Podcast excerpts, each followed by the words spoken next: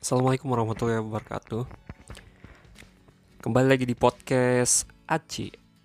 Ayo celetukin aja. Gue bingung nih pemikiran apa. Si menariknya kita akan membahas tentang Tips menggunakan media sosial. Seiring berjalannya waktu Sosial media itu sangat bertumbuh sekali baik entah itu anak-anak, anak muda, ataupun ibu-ibu. Coba kita lihat saja di sosial media Facebook, rata-rata ibu-ibu dulu seumuran kita itu sudah paling keren tuh sosial media. Karena anak muda aja yang main pada zaman dulu pada saat itu. Sekarang ya ampun. Mama gue main juga. Apa ya asiknya yang berhubungan dengan sosial media. Oh ya, cara menggunakan sosial media yang aman. Di sini ada beberapa informasi yang akan saya bagikan. Yang pertama, menggunakan sosial media dengan aman yaitu lindungi informasi pribadi. Ya, itu sangat penting sekali. Maksudnya begini, pada saat kita menggunakan sosial media, kita tidak boleh lepas semau kita seperti burung merpati yang dilempar ke udara. Nggak, nggak harus begitu juga. Kita harus ada batasan-batasan informasi pribadi tersebut. Misalkan kita lagi buat status, entah itu story, story IG, story WA. Kita jangan ngetik, misalkan, ini lu rumah kita lagi kosong nih. Aduh, rumah sepi nih aduh lagi bete nih sendirian di rumah. Atau menyebutkan alamat khusus. Aku lagi di jalan ini nih misalnya. Jangan juga seperti itu. Kenapa? Karena berbahaya banget. Misalkan kalau ada perampok langsung muncul. Dia mengintai kamu. Udah langsung didapat. Udah gitu.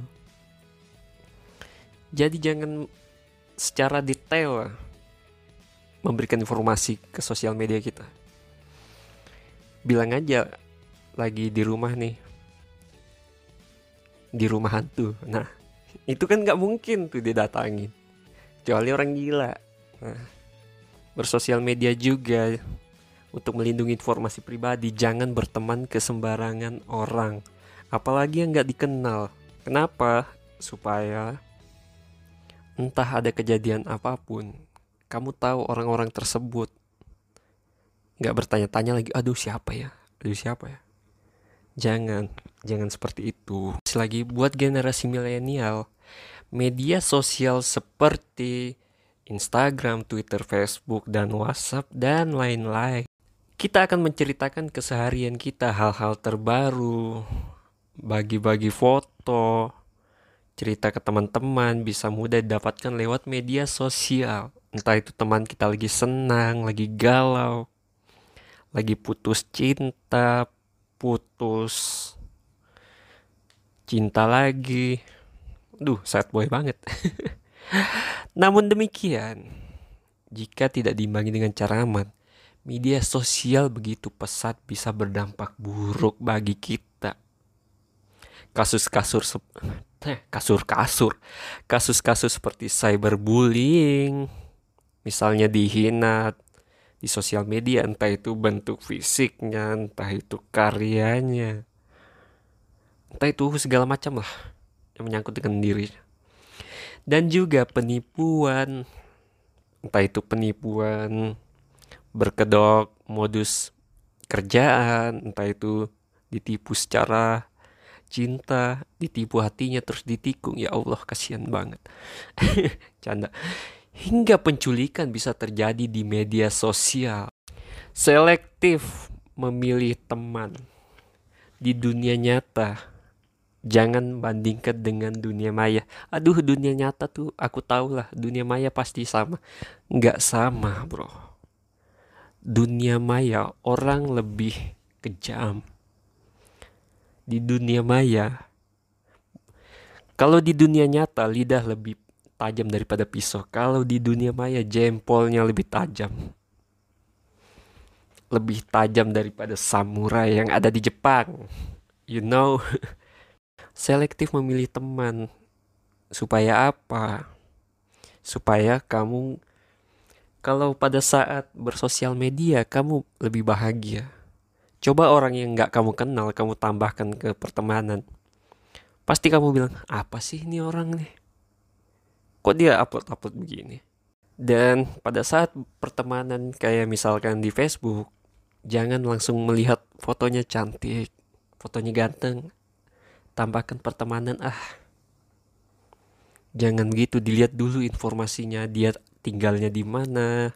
Lihat dulu fotonya. Kalau fotonya cuma sekedar satu aja kalau di Facebook sekedar fotonya satu bisa jadi itu ya penipuan bisa jadi karena banyak kasus seperti ini tidak selektif memilih teman. Contohnya ada kasus di Facebook. Pokoknya dia dimodusin ingin menjadi pacarnya bla bla bla. Dan dia jadian udah jadian di Facebook. Terus disuruh buktikan kamu sayang nggak sama aku? Oh aku sayang sama kamu meskipun jarak kita jauh. Hmm emang sih benar. Tapi yang dimintai apa? Coba dong foto dada kamu. Kirim ke aku kalau kamu memang tulus sama aku. Yang si cewek bungul ini si cewek yang eh katakanlah bodoh lah. Dia mengirimin foto dadanya. Setelah dikirim dia diancam kalau memang kamu tidak memberikan aku uang akan aku sebarkan di sosial media kan ini tolol sekali nih maaf maaf kata-kataku agak kasar nih Iya, aturannya itu jadikan sebuah pelajaran. Jangan gampang percaya orang di sosial media. Jangan. Apalagi kalau belum bertemu di dunia nyata. Jangan. Perkuat kata sandi. Entah itu kata sandi email, entah itu kata sandi sosial media yang lainnya. Entah itu kata sandi handphone Anda. Perkuat. Kalau bisa dipakai kan kata sandi. Jangan jangan langsung-langsung aja main HP karena orang zaman sekarang teman lah teman kita yang kadang iseng kita taruh HP di meja aja dia udah bajak misalnya nulis status sembarangan aduh pantatku gatel nih kan, kan itu konyol. Konyol banget gitu. Dilihat orang lain aduh kenapa sih ini gila ini orang? Padahal dibajak. Ya itu makanya. Perkuat kata sandi anda. Karena karena pada saat HP hilang kata sandi tidak ada itu berbahaya banget. Itu HP langsung bisa dikuasain. Makanya pakai kata sandi. Kalau bisa yang susah gitu jangan juga kata sandi tanggal lahir yang 011, 012, 013 jangan kayak seperti itu karena Kenapa aku bilang jangan seperti itu? Karena suatu saat HP kamu hilang beserta dompet, dia akan mencari tahu ini HP-nya HP apa. Dia akan melihat tanggal lahir KTP Anda. Dicocokin dah tuh. Dan kadang orang memakai ya tanggal lahirnya lengkap. 11, 12, 95 gitu. Dan terbuka, terbuka gitu. Makanya cari kata sandi yang susah. Kalau bisa kata sandinya yang aneh-aneh yang nggak kepikiran sama orang lain lah.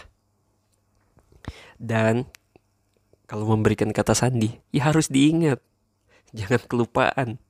Bahaya juga tuh kelupaan. Dan yang selanjutnya jangan mudah membagikan tautan maksudnya tautan tuh postingan jangan mudah membagikan apa yang temanmu kirim langsung kamu sebar ke grup lain. Jangan. Tahan dulu, bisa jadi itu hoax. Karena banyak teman gue meng-share ke saya tentang berita misalkan corona bisa sembuh dengan minum air garam. Gila banget.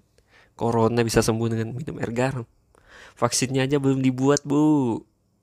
Main ketemu-ketemu aja. Dan perhatikan juga sumber beritanya. Kalau misalkan dokter sehat .blogspot.com gila lah orang mau percaya gitu. Lihat juga situs beritanya. jangan langsung share-share begitu aja lihat dulu entah itu misalkan detik.com, kompas.com ya contohnya berita-berita yang incredible lah yang mudah dipercaya udah. Dan jangan mudah terprovokasi. Misalkan kita baca nih, aduh sialan tuh. Kayaknya dia nyinggung gue. Jangan dulu, tahan dulu. Selidiki dulu itu fakta atau cuma berita hoax. Karena banyak orang meng-share pada saat kejadian-kejadian viral seperti sekarang ini. Misalkan seperti nanti di Malaysia akan terbang pesawat melalui Indonesia menyemprotkan vaksin dari helikopter. Gila lu. Se-Indonesia mau disemprotkan vaksin. Berapa liter, Bu? Berapa tangki? Emang Indonesia seluas apa sih? Sepanjang apa sih? dengan mudahnya buat hoax seperti itu. Jangan, apalagi orang tua itu, orang tua kita itu kadang menerima informasi bulat-bulat. Nah makanya kita generasi muda harus mengajarkan orang tua kita. Kalau informasi seperti ini jangan langsung dipercaya. Jangan langsung ditelan mentah-mentah. Nah itu tugas kita sebagai anak memberitahukan orang tua seperti itu. Perhatikan etika bersosial media. Aduh, banyak banget kasus bekas dan contoh yang paling melekat Ferdian Paleka yang prank-prank tidak jelas gitu ngasih sampah ke orang. Prank-prank ojol tuh sampah. Nggak tahu kenapa ya. Kalau mendengar kata prank respect gue tuh ke konten tersebut itu berkurang drastis. Nggak tahu kenapa. Entah itu merugikan orang. Kayaknya sebagian besar sih merugikan orang. Dan itu kan juga dikonsumsi publik. Di share ke YouTube di share ke Facebook itu nggak baik banget. Kita bersosial media tuh butuh etika juga. Jangan mentang-mentang tongkrongan lu ngeluarin kata-kata anjing kata-kata babi. Lu bawa ke sosial media nggak semua orang sesuai dengan apa yang kamu inginkan. Catat itu. Ngasik dan jangan juga marah-marah karena kalau kamu marah ke satu orang nyinggung satu orang seribu orang temanmu merasa men. Asli bener pengalaman itu jangan seperti itu apalagi unggahan yang menyinggung sara tentang agama ras suku itu akan merusak nama baik kamu. Misalkan, eh Cina, Woy, jangan. Menurut kamu bercanda, tapi menurut orang itu kamu serius. Jangan. Jangan bawa bahasa tongkronganmu ke sosial mediamu. Jangan, nggak boleh harus selepas itu, harus ada etikanya juga. Dan kadang juga orang ingin nge-share tentang kebaikan, dikatain waduh so alim lu di share tentang nakal-nakal aduh kenapa kau begini semuanya diprotes kalau orang tidak share kayak memberikan bantuan ke anak yatim. Katanya ria katanya sombong. Intinya perhatikan etika lah. Karena sesuatu yang misalkan di sosial media yang lagi hangat beritanya entah itu tentang pembantaian entah itu tentang peperangan mungkin entah itu tentang pandemi corona ini misalkan orang meninggal pokoknya sesuatu yang menyakitkan bikin pedih di hati orang terus kamu buat lelucon itu jangan bahaya. Sampai di sini paham? Gue juga nggak paham. Tapi semoga lah informasi yang saya sampaikan kok semoga? Aku yakin informasi yang saya sampaikan ini bisa didengar oleh orang-orang yang cerdas seperti kalian ini. Terima kasih sudah mendengar sampai akhir. Assalamualaikum warahmatullahi wabarakatuh. Ciao